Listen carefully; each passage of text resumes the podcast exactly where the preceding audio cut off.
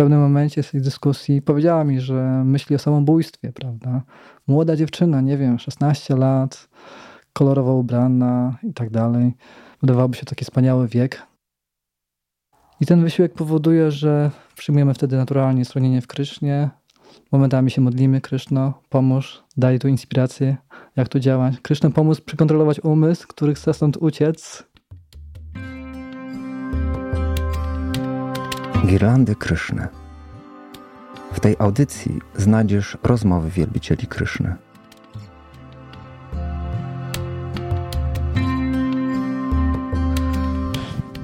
Hare Krishna. Hare Krishna, Madai Jivan Prabhu. Zapraszam na kolejny podcast Girlandy Kryszny. Dzisiaj jesteśmy we Wrocławiu, na strychu. Ja mam na imię Madai Jivan Nitaidas, a moim rozmówcą jest dzisiaj Mitra Hari Dasa. Super, że się zgodziłeś na tą rozmowę, bo już od dawna się tak umawialiśmy, ale jakoś nie mogliśmy się spotkać w, w czasoprzestrzeni. Tak, tak. Tylko dlatego tutaj jestem, ponieważ po raz kolejny mnie o to prosisz. Jakoś nie czuję się bardzo komfortowo w tej roli, aczkolwiek skoro mnie prosisz po raz kolejny, już ileś razy można odmawiać, prawda? No tak. Słuchaj, powiedz mi, bo dzisiaj właśnie byłeś z książkami we Wrocławiu. Czy miałeś jakieś ciekawe historie? No, wczoraj na przykład. Mogę wczorajszą historię opowiedzieć. To było akurat w Poznaniu. Mamy w tym momencie końcówkę listopada i to jest taki już czas, kiedy zaczynają się te świąteczne wyprzedaże, tak? Przedświąteczne wyprzedaże. Black Friday, teraz mamy już Black Week. Może za parę lat będziemy mieli Black cały miesiąc. Znaczy, tak, tak, cały miesiąc. Więc zaczęliśmy ten maraton troszkę wcześniej, parę dni przed grudniem, tydzień przed grudniem. I dla przykładu, no, wiecie, jak tam ostatnio też staram się czasami mm, robić jakieś małe wpisy na Facebooku, żeby też inni wielbiciele mogli zobaczyć, że Sankirtan jest kontynuowany, że jest to przygoda i jest to też zawsze jakaś, no, jest to jakaś działalność misyjna, pomagamy innym. I jak tam właśnie wspomniałem na, no, u siebie na Facebooku wczoraj, że bardzo często odbiorcy naszych książek to są bardzo młodzi ludzie. To są ludzie ze szkoły, e, szkoły średniej przeważnie. Naprawdę, to są 16, 17, 18, 20 lat, prawda? To jest jakieś 60% moich ludzi, którzy biorą książki. No, tak mogę jeszcze tutaj małą dygresję. Dzisiaj na przykład rozpowiedziałem książkę dziewczynie, która miała 15 lat, prawda? Zaprezentowała mi książki, mam takie doświadczenia, że często tacy młodzi ludzie bardzo mało pieniążków dają, więc ja tak już nawet nie myślę o tych, żeby mi coś za te książki dali, jakoś sensowną kwotę, po prostu, żeby wzięli i coś się odzajemnili symbolicznie. Więc zostaje jakieś tam 5 zł czasami, jakieś tam 10 zł, takie naprawdę nie, małe pieniądze. W każdym razie tej właśnie 15 lat zaprezentowałem książki i ona mi wyciągnęła 100 zł. Zapytałem się, ile cię wydać, prawda? No i ona poprosiła, żebym tylko 40 zł jej wydał więc dała mi dodatkowo jeszcze ekstra kolejnej książki. Skoro ona była hojna, to też byłem dla niej hojny. No i była bardzo mile zaskoczona, prawda? Bardzo uśmiechnięta, odeszła z książkami. Więc często to są młodzi ludzie i wczoraj spotkałam dziewczynę, która miała taki bardzo też nietypowy wygląd albo może taki typowy dla nastolatek. W każdym razie miała fioletowe włosy, miała jakieś takie specjalne szkła na, na oczach, czyli jak się nazywa? Co wkładasz do oczu? Soczewki, tak? Przepraszam, soczewki. Soczewki kontaktowe, tak? Kontaktowe, tak, tak. I one zmieniały kolor oczy, miała całe czarne, tak? Fioletowe włosy, czarne oczy. Taka e, jasna, jasna cera. No i jak zacząłem jej tak wstępnie mówić, prawda, że zajmuję się filozofią, jogą, samodoskonaleniem, samorealizacją, to też dla niej to była sposobność, żeby troszkę się otworzyć, troszkę powiedzieć o sobie. No i w pewnym momencie z tej dyskusji powiedziała mi, że myśli o samobójstwie, prawda. Młoda dziewczyna, nie wiem, 16 lat, kolorowo ubrana i tak dalej. Wydawałoby się taki wspaniały wiek, beztroski, tak? Się mówi, to jest wiek beztroski, a jednak, a jednak w tym wieku ktoś miał tak jakieś głębokie stany depresyjne, że nawet myślał o, o, o samobójstwie.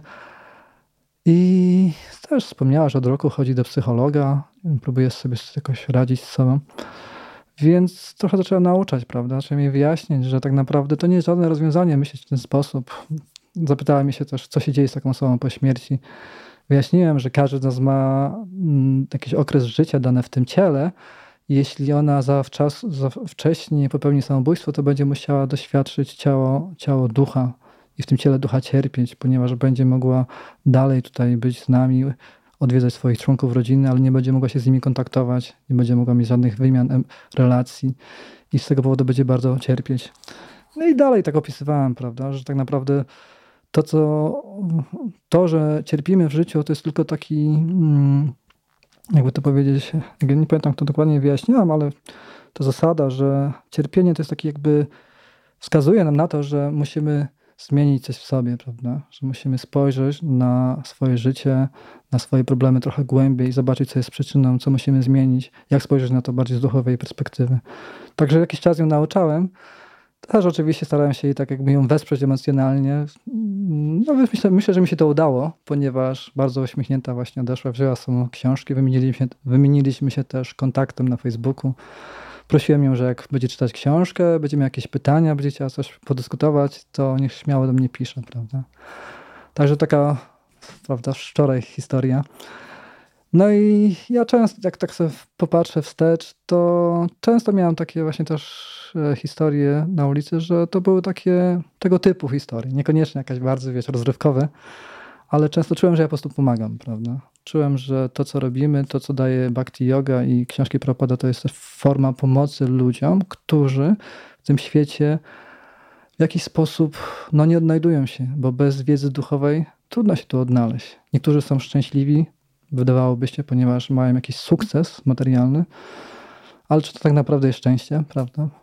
My wiemy, że, że ostatecznie przyjdzie, przyjdą choroby, przyjdzie śmierć, przyjdą tak czy siak, czy też człowiek bogaty um, i tak dalej, jeśli ma jakiekolwiek materialne udogodnienia, to te wszystkie rzeczy związane z narodzinami i śmiercią, wszystko to przyjdzie prędzej czy później.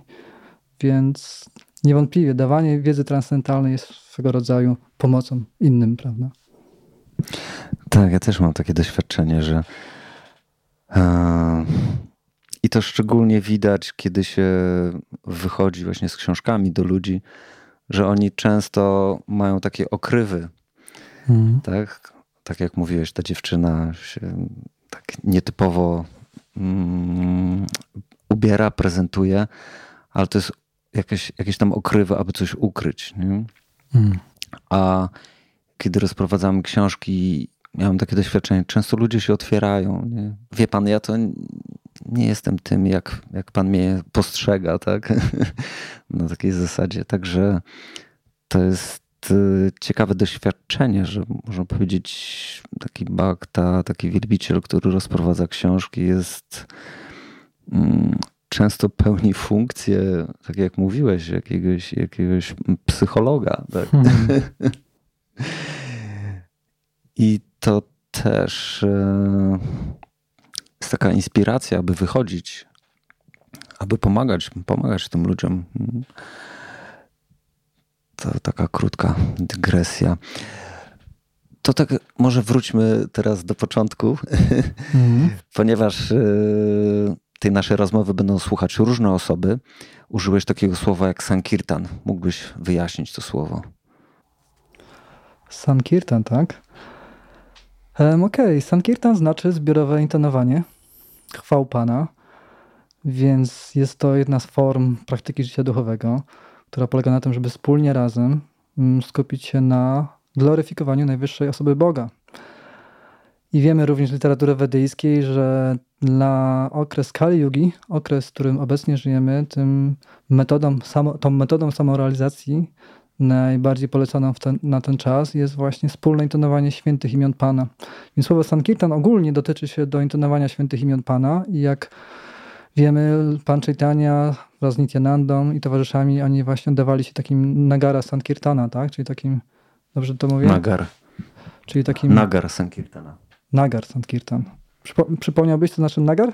Yy, znaczy miejski. Miejski, prawda? Czyli po, podróżowali od wioski do wioski, od miasteczka do miasteczka, poprzez Bengal i całe Indie i intynowali właśnie kirtan, czyli święte imiona.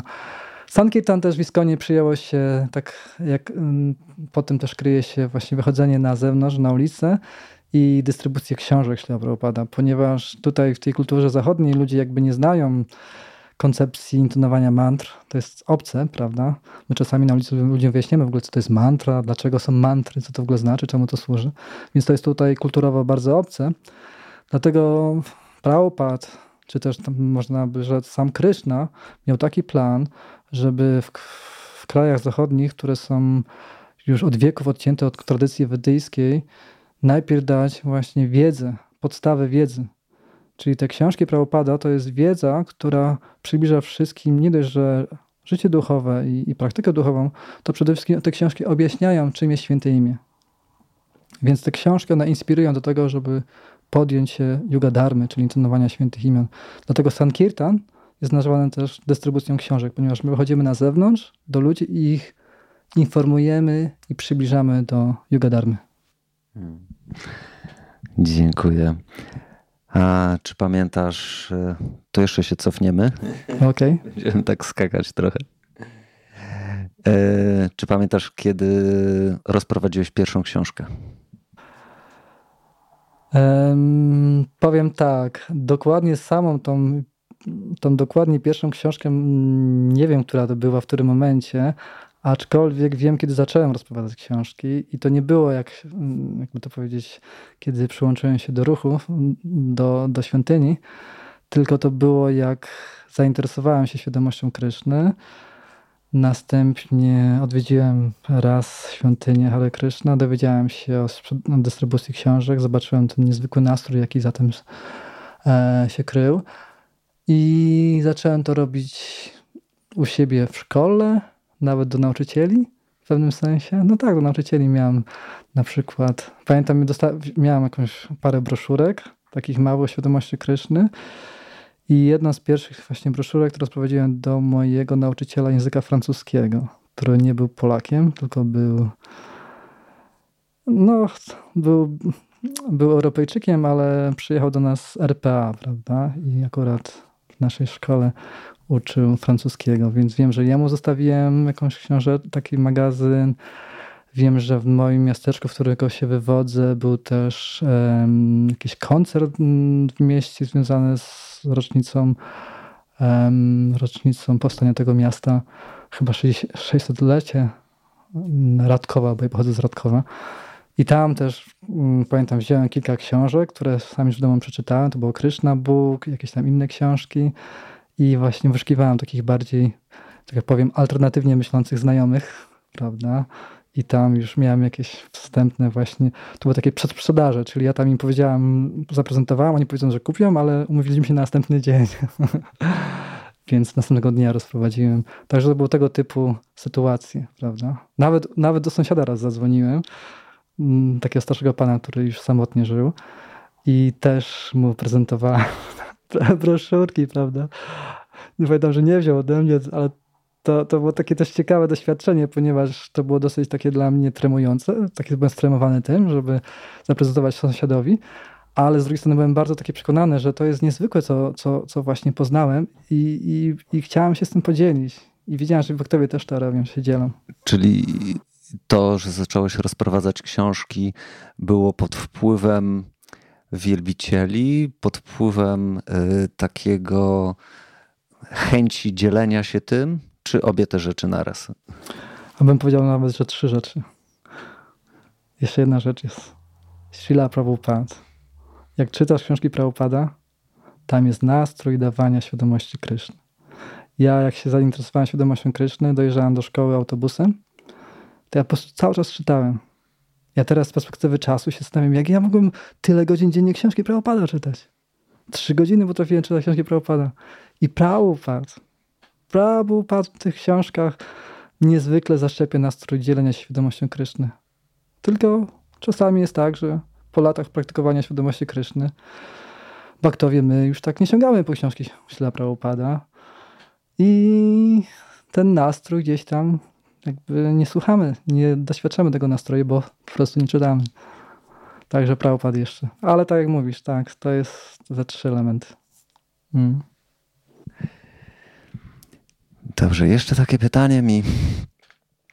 Tak naprawdę, jak myślałem o rozmowie z Tobą, to pierwsze pytanie, jakie mi się y, nasunęło, y, jakie miałem w, w głowie, dlaczego to robisz teraz? Teraz mało osób rozprowadza książki. Kiedyś to był prestiż, to było wyróżnienie.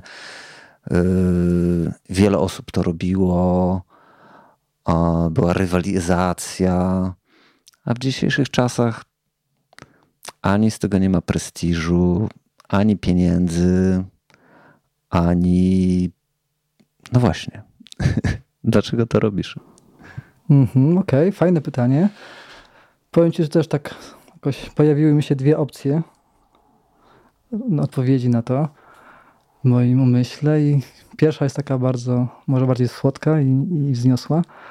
Pierwsza rzecz to tak sobie myślę, że świadomość Kryszny to jest też swego rodzaju rozwój relacji z Bogiem, prawda? Z Kryszną, z najwyższą osobą, rozwój relacji z, z guru poprzez służbę i tak dalej.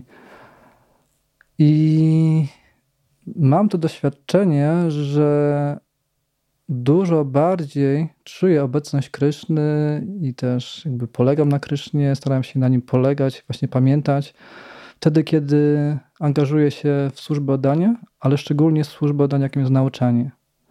Bo wtedy jakby bardziej przyjmuję stronienie w Krysznie. I, i, bo nauczanie to jest wyjście na ulicę, gdzie nie ma wielbicieli, gdzie ci ludzie są zabiegani, generalnie są motywowani zadowalaniem zmysłów i nagle musisz coś zrobić, żeby ich zainspirować do świadomości krytycznej. Czyli to jest swego rodzaju wewnętrzny wysiłek.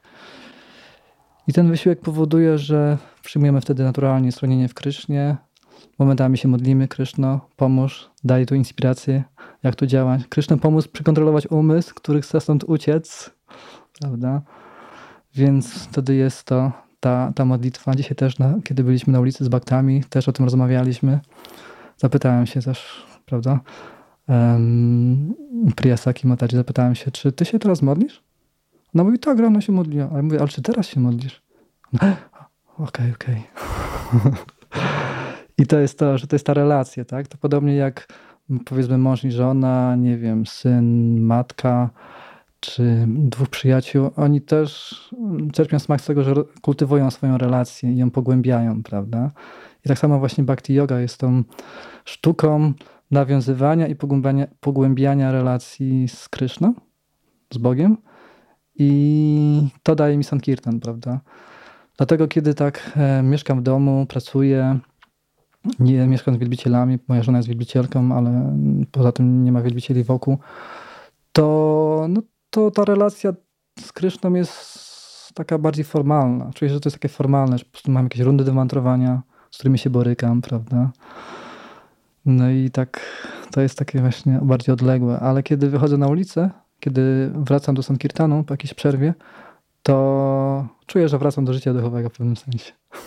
A druga rzecz, która mi przyszła do umysłu, to korzyść własna. Nie mówię to o jakichś takich materialnych, wymiernych jakichś tam korzyściach, ale chodzi mi właśnie o to, żeby być zainspirowanym do życia duchowego, żeby ogólnie się dobrze czuć po prostu, bo taki komfort wewnętrzny, czy też takie szczęście płynie wtedy, kiedy jesteśmy zainspirowani w życiu duchowym, prawda? Każdy z baktów ma to doświadczenie, kiedy razem, wspólnie gdzieś robimy jakąś służbę, czy to razem zaangażujemy się w przygotowanie do Radhayatry, jak się tu przyjeżdża do Wrocławia i widać, że baktowie się przygotowują, to już czuć taką atmosferę, prawda?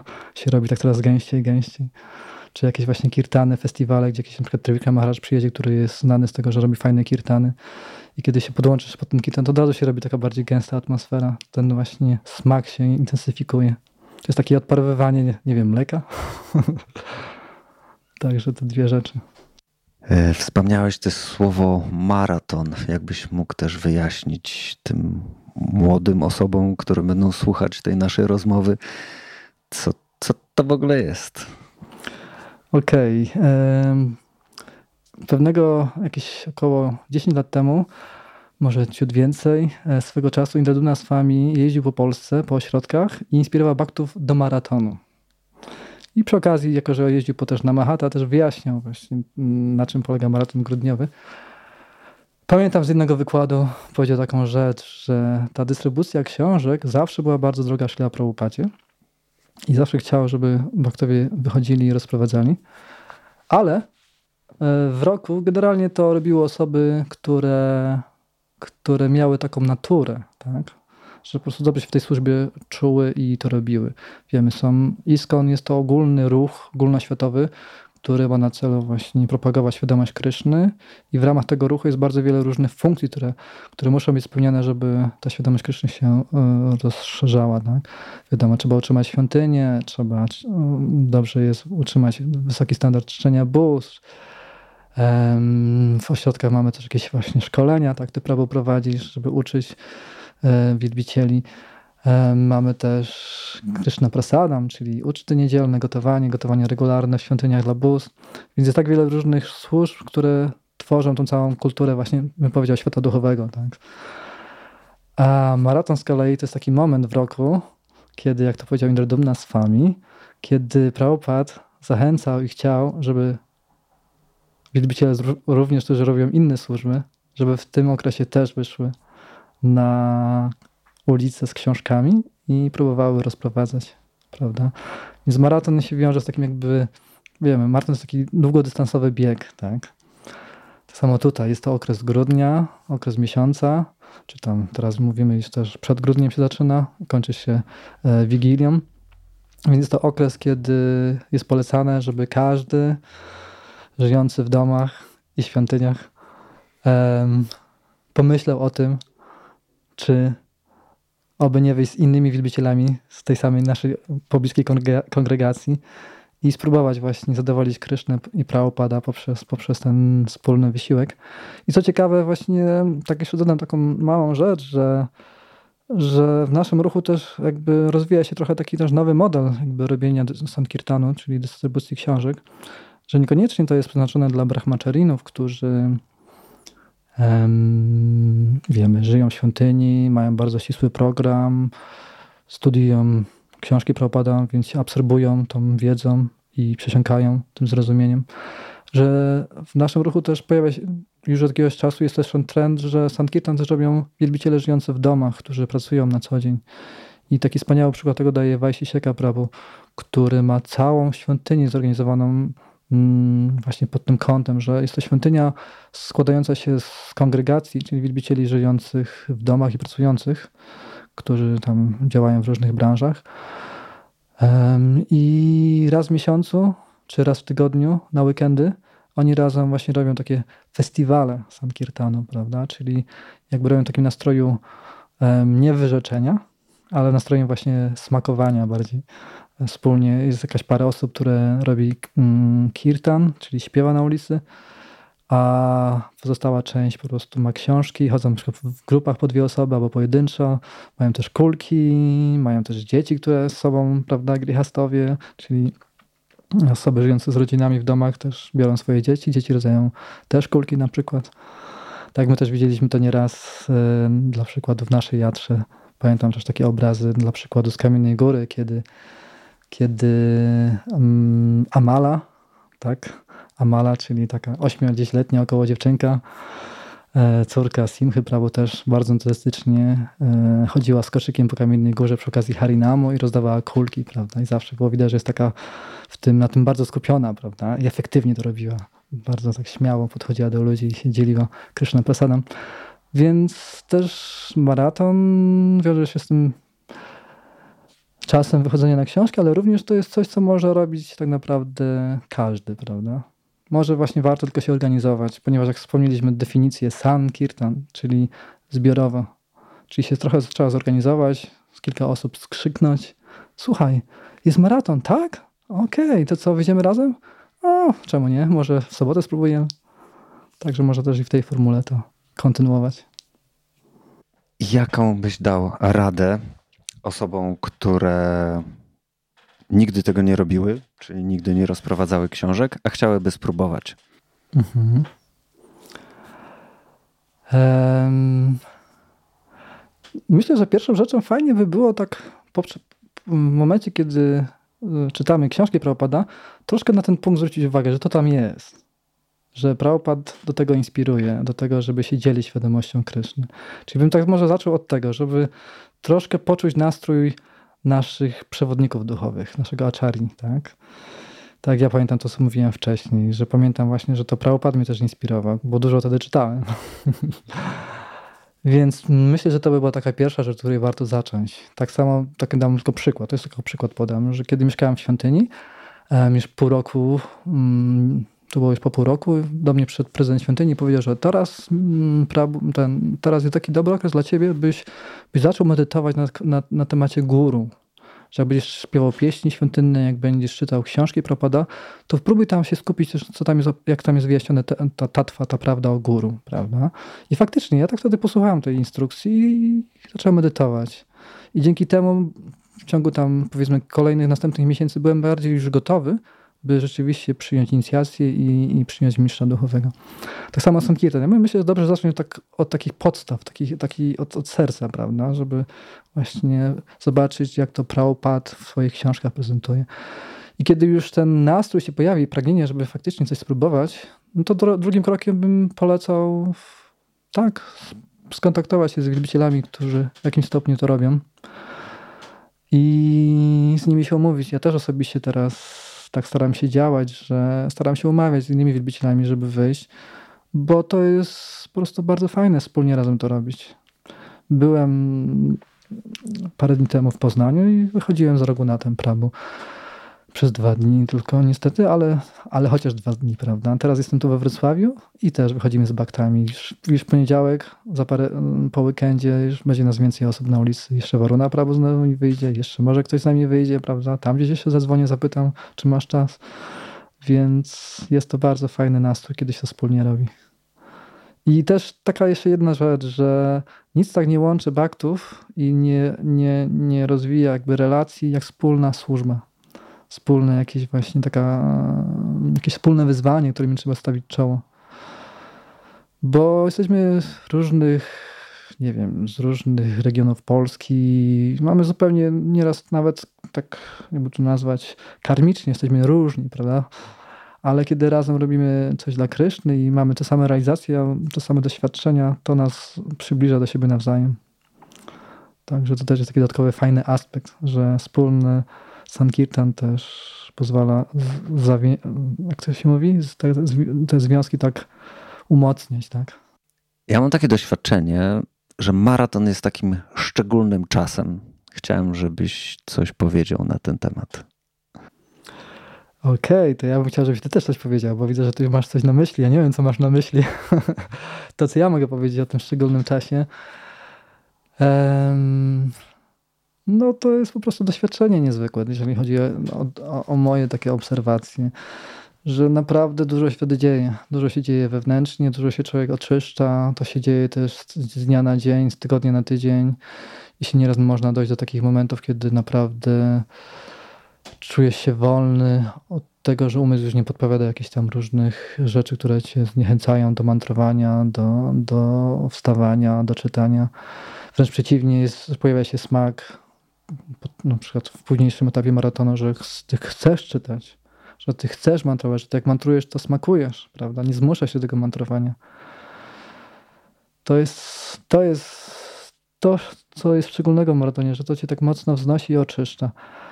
Co jeszcze? No jest to też, mm, wiemy, to jest też działalność mm, misyjna, więc ma to, ma to też wpływ na społeczeństwo na, na, nie wiem, czasami ludzie, powiedzmy, że jest, pamiętam takie, takie, takie też e, nieraz były informacje zwrotne.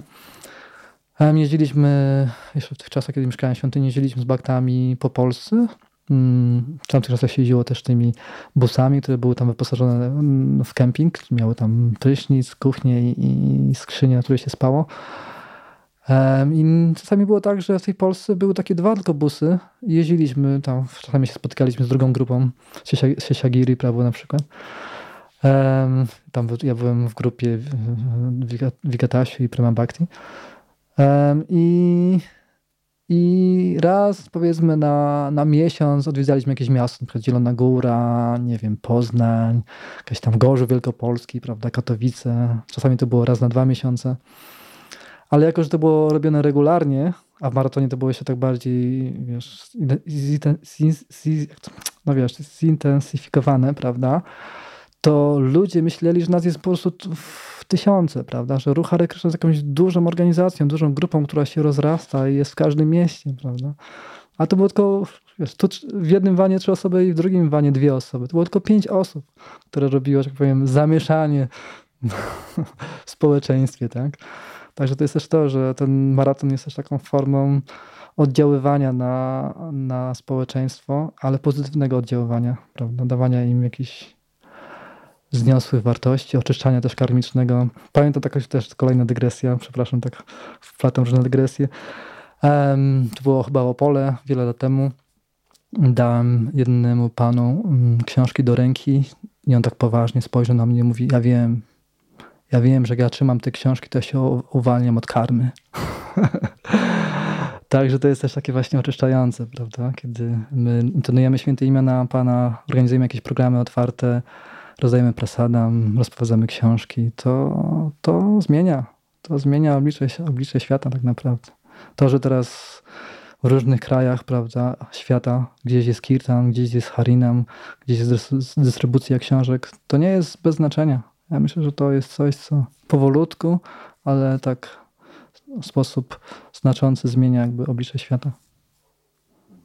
A jakie ty masz doświadczenia z maratonem? Powiedz, Madej Jivan Prabhu. Y, pierwsze, co mi przychodzi do głowy, to to, że w maratonie jest wszystko takie łatwe. Hmm. Że te książki tak łatwo się rozprowadza. Hmm. Yy, nie wiem, czy to jest tylko wyłącznie nastawienie wielbiciela, czy też, yy, no co dużo mówić, grudzień jest takim specyficznym czasem, tak? Ludzie, mhm. ludzie czekają na święta, robią prezenty dla swoich bliskich i jest taka troszeczkę inna atmosfera, tak? Na o ulicy. tak, o tak. Także to też pomaga w dystrybucji książek i no tak jak mówiłeś, że wtedy się dzieją takie niezwykłe, niezwykłe rzeczy, niezwykłe historie. Hmm. Dla mnie maraton no to też był taki zawsze duży wysiłek, hmm. ponieważ e, no sama nazwa maraton oznacza, że dajemy z siebie bardzo dużo, tak? I no i to też daje, daje rezultaty, tak? Kiedy dużo czasu poświęcamy czemuś, no to e, są jakieś osiągnięcia w tej, e, w tej przestrzeni, tak? Także to jest to, z czym mi się kojarzy. Maraton. Chciałem się też spytać, mm, bo wspominałeś, że, e, że pracujesz, tak? I rozprowadzanie książek jest czymś takim ekstra dla ciebie. Tak? Mm. I jakbyś mógł, e, no tak powiedzieć, jak to, jak to godzisz ze sobą?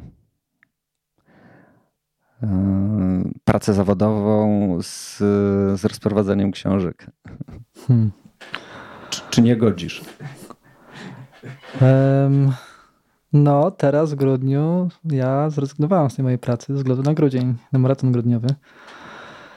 Ale to jest też tak, że um, moja praca jest też, no, może, może mi na to pozwolić, prawda? Ponieważ obecnie, teraz w tym momencie mamy 2022, także w tym momencie mówię o tej sytuacji obecnej. Um, przez ostatni czas, ostatni rok akurat, pracowałem jako przedstawiciel firmy, budowlanej. E, odwiedzałem klientów w domach jednorodzinnych i ustalałem z nimi renowację ich elewacji domu i dachu. Więc to było na zasadzie też, że prowadziłem swoją własną działalność gospodarczą i wypisywałem umowę dla firmy budowlanej. Więc ja po prostu mogłem sobie pozwolić na wycofanie się z działalności i mogę sobie pozwolić po grudniu znowu ją rozpocząć na nowo ponieważ nie mam jakby pracodawcy nad sobą, tylko po prostu firma ewentualnie dostanie ode mnie kontrakt, że im klienta przyniosę, albo nie dostaną. Więc to jest ewidentnie jest jakaś łaska Kryszny, że, że ta praca właśnie daje ten furtkę, że mogą sobie po prostu zrobić przerwę dwumiesięczną nawet, prawda? Bo nie tylko na maraton poświęciłem też czas, ale też byłem za granicą. I, i myślę, że to jest właśnie też jakaś łaska Kryszny, tak? Że w jakiś sposób Kryszna zna moje serce, wie, że w jakiś sposób jestem przywiązany do tego, żeby móc robić książki. I wie, że to jest może też jedyna, jedyna nadzieja dla mnie, żeby mnie, wiesz, oczyścić i wiesz, utrzymać, utrzymać w życiu duchowym. Tak, bo tak jest też, że jest takie powiedzenie na Sankirtanie, że łatwo się rozprowadza dużo książek, a, mało, a ciężko się rozprowadza mało książek. Czyli łatwo praktykować się duchowo, jak się jest zainspirowanym, a ciężko kontynuować się duchowo, jak się nie jest zainspirowanym, prawda? Także to jest też taka ważna kwestia do rozważenia. Więc myślę, że to jest głównie to, prawda, że taką formę pracy mam, że mogą sobie to pozwolić. Wiem, że inni wielbiciele mogą sobie na to nie pozwolić, jeżeli tam pracują na etacie na przykład, ale no są też weekendy, prawda. Wiemy, że to, co do umysłu wkładasz, tym później jakby żyjesz i czy też jest ta przypowieść o dwóch wilkach, które są w nas, które Rona nazwami swojej książce opowiada, że mamy właśnie dwa wilki i zależnie od którego karmisz, to ten będzie mocniejszy, tak? Nie pamiętam, jak on definiował tych, naturę tych dwóch wilków, ale tutaj chcę właśnie powiedzieć, że jeśli będziemy też mieli tą jakby chęć, czy podejmiemy tę decyzję, że okej, okay, teraz będę troszkę myślał, jak tutaj zadowolić Krysznę, jak tu zadowolić Miszodowowy, jak tutaj coś zrobić dla ich przyjemności. Idąc tym tropem właśnie możemy dojść do wniosku, ok, przychodzi weekend, więc zróbmy coś dla nich. Ach, spróbujmy, zabawmy się, tak powiem, transcendentalnie. Mm. I jakie masz plany na maraton?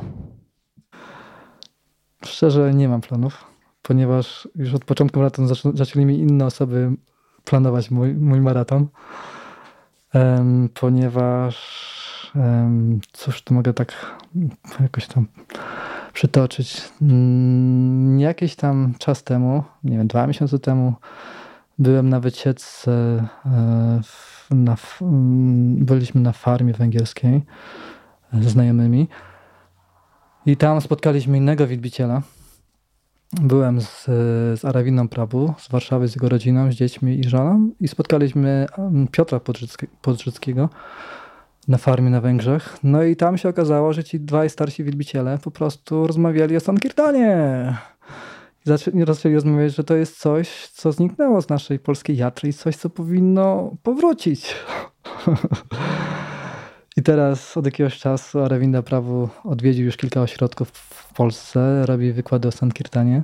Słyszałem, że tutaj też jutro, był. Jutro będzie we Wrocławiu. Tak, jutro wszystkich zapraszamy. No to jutro pewnie ten podcast do was nie dotrze, ale ale tak, tak, będzie też mm, wykład o Sankirtanie dany przez Arawindę Prawu. Więc baktowie poprosili mnie, żebym im pomógł, prawda, w ten inny sposób i może bardziej w formie praktycznej. No i już mam tam umówione kolejne jakby miasta, gdzie mam pojechać i mam z baktami wyjść. To jest 3 grudzień, to jest Warszawa.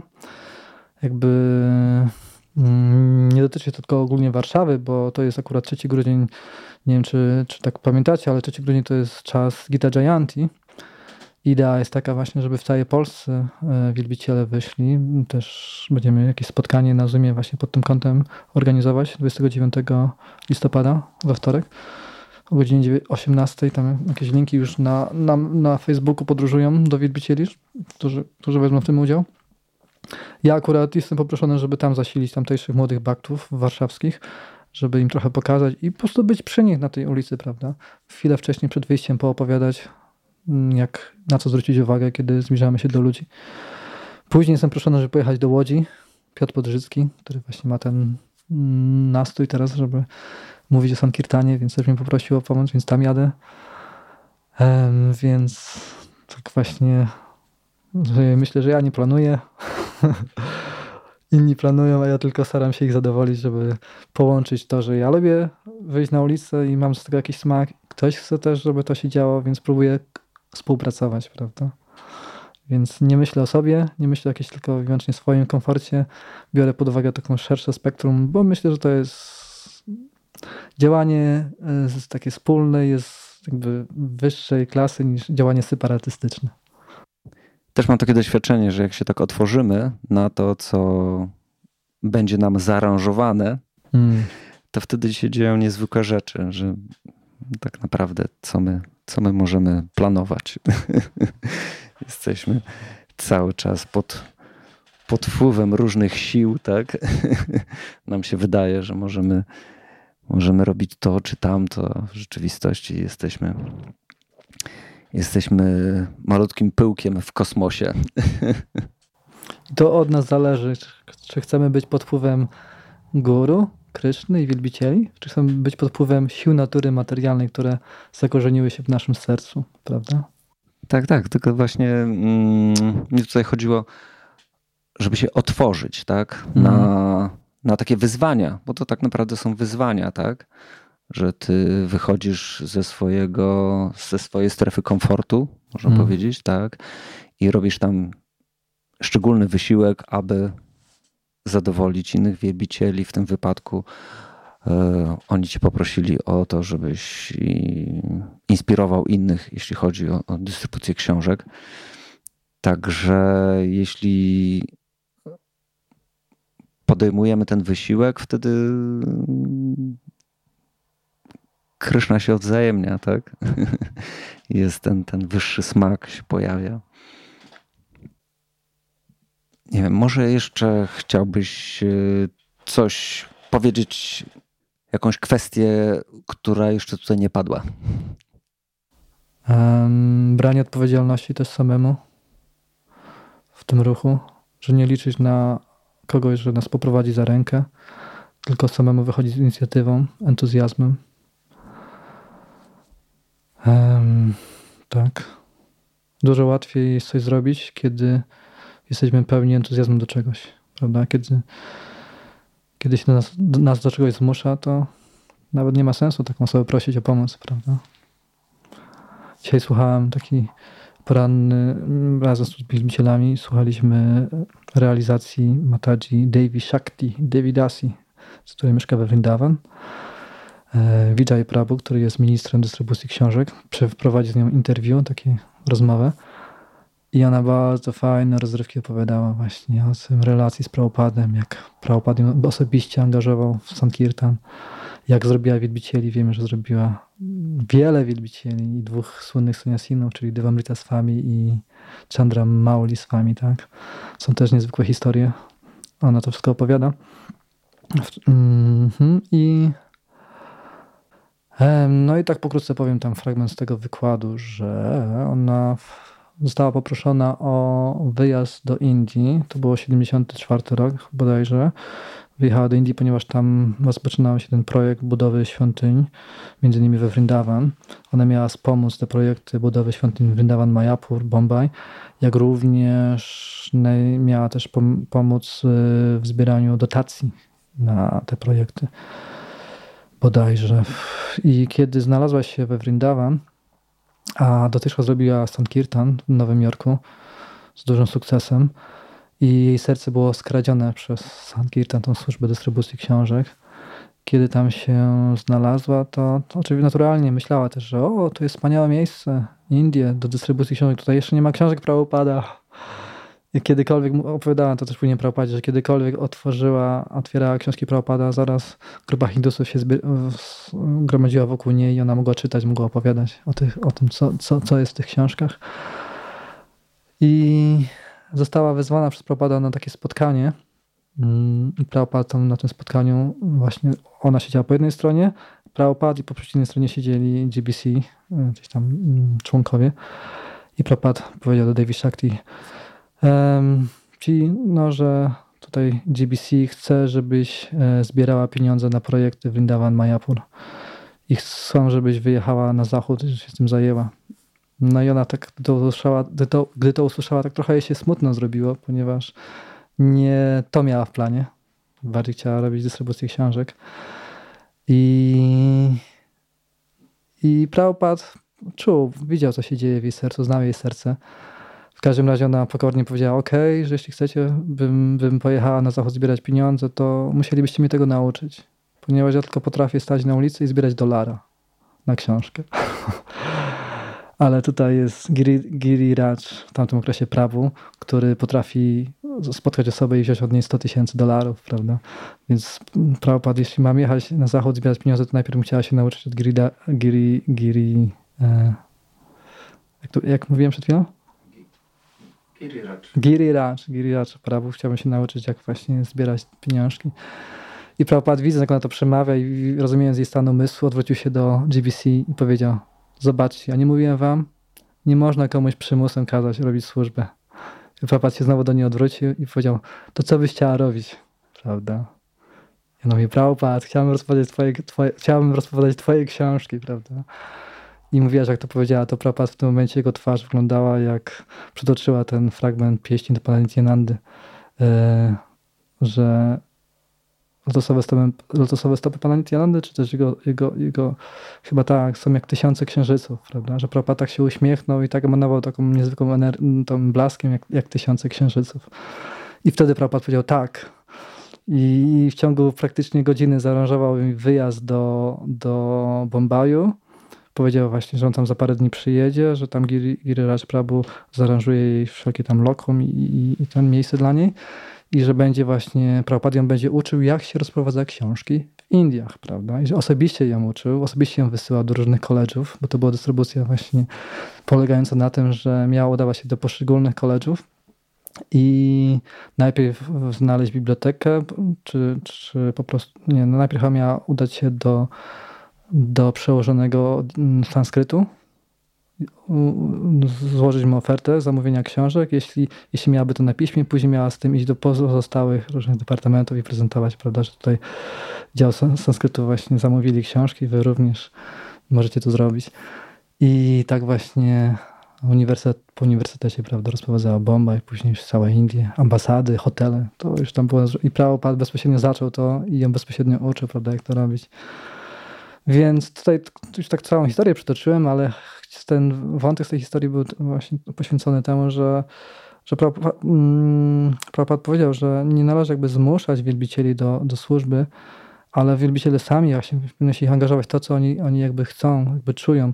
I moja kwestia tak trochę połączona z tym jest taka, że my powinniśmy jakby też sami dojrzewać do tego, by chcieć robić służbę. My powinniśmy, jakby właśnie jak mówiłem, skupić się może na czytaniu, może na, na obcowaniu z wielbicielami bardziej tak w sposób taki świadomy i taki właśnie chcąc coś zmienić, coś, coś poprawić, coś polepszyć, żeby samemu zacząć medytować, co możemy zrobić, jak możemy polepszyć, jak możemy razem zorganizować właśnie jakiś program nauczania, jakieś swoje namahata, swoje, mieć więcej swojego towarzystwa, żeby to wypływało od nas, od naszej inspiracji, wtedy to się będzie wszystko bardzo słodko um, układało i, rozwijało. Tak powiedziałeś, że w maratonie rzeczy stają się łatwe. Że ty realizujesz, że po prostu kiedy jest maraton, kiedy jest, że wszyscy mamy to nastawienie, że my z tego chcemy, to nagle wszystko staje się łatwe. Tak, więc tak, ja myślę, że ta kwestia brania odpowiedzialności, tak, brania takiej, próba, próba samemu też się inspirowania wewnętrznie i szukania tej inspiracji też innych i razem się zachęcania do, do, do, do czynienia jakichś właśnie projektów wspólnej świadomości Kryszny. To mój punkt, kwestia. Dziękuję Ci bardzo. E, życzę Ci dużo, dużo, dużo rozprowadzonych książek na maratonie i też, abyś zainspirował dużo nowych wielbicieli do tej niezwykłej służby. I może się spotkamy po maratonie. Kto wie? I wtedy, o, wtedy, to coś zagadkowego dla mnie. Wtedy będziemy mogli zobaczyć i posłuchać o Twoich przemyśleniach hmm. i doświadczeniach z maratonu. Sankirtan Lila, tak? Jeszcze raz dziękuję i jeszcze raz. Dziękuję bardzo. Wszystkiego najlepszego na maratonie. Dziękuję bardzo. Hare Krishna. Wszystkim słuchaczom również. Hare Krishna. Hare Krishna.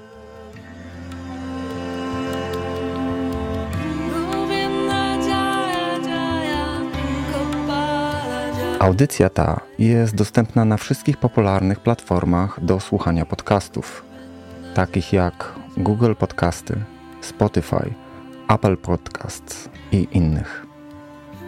Odcinki podcastu umieszczone są także na kanale Akademii Wisznuizmu serwisu YouTube i na stronie Akademii Wisznuizmu aw.edu.pl w zakładce podcasty również można znaleźć odcinki tej audycji.